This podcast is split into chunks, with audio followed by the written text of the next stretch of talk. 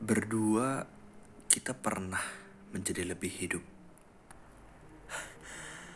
Kemudian pada satu titik kita kian meredup. Setelah ratusan hari membersamaimu, Setelah puluhan malam mendengar semua celotehanmu, kamu memutuskan untuk pergi. Mengubah segala sesuatunya dengan berapi-api. Memaksaku untuk tidak mengenalmu lagi. Bersikap seolah aku yang paling bersalah. Memperlakukanku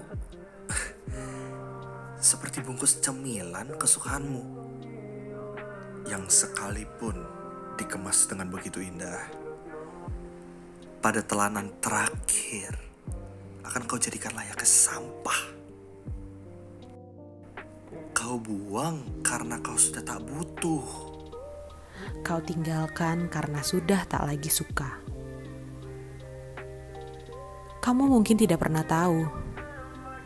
Ya, kamu tidak pernah tahu. Di antara semua kehilangan, Kamu yang paling tidak aku rencanakan. Dan kamu yang paling menyakitkan. Namun konyolnya, di antara semua kedatangan, pulangmu yang paling aku aku doakan. doakan.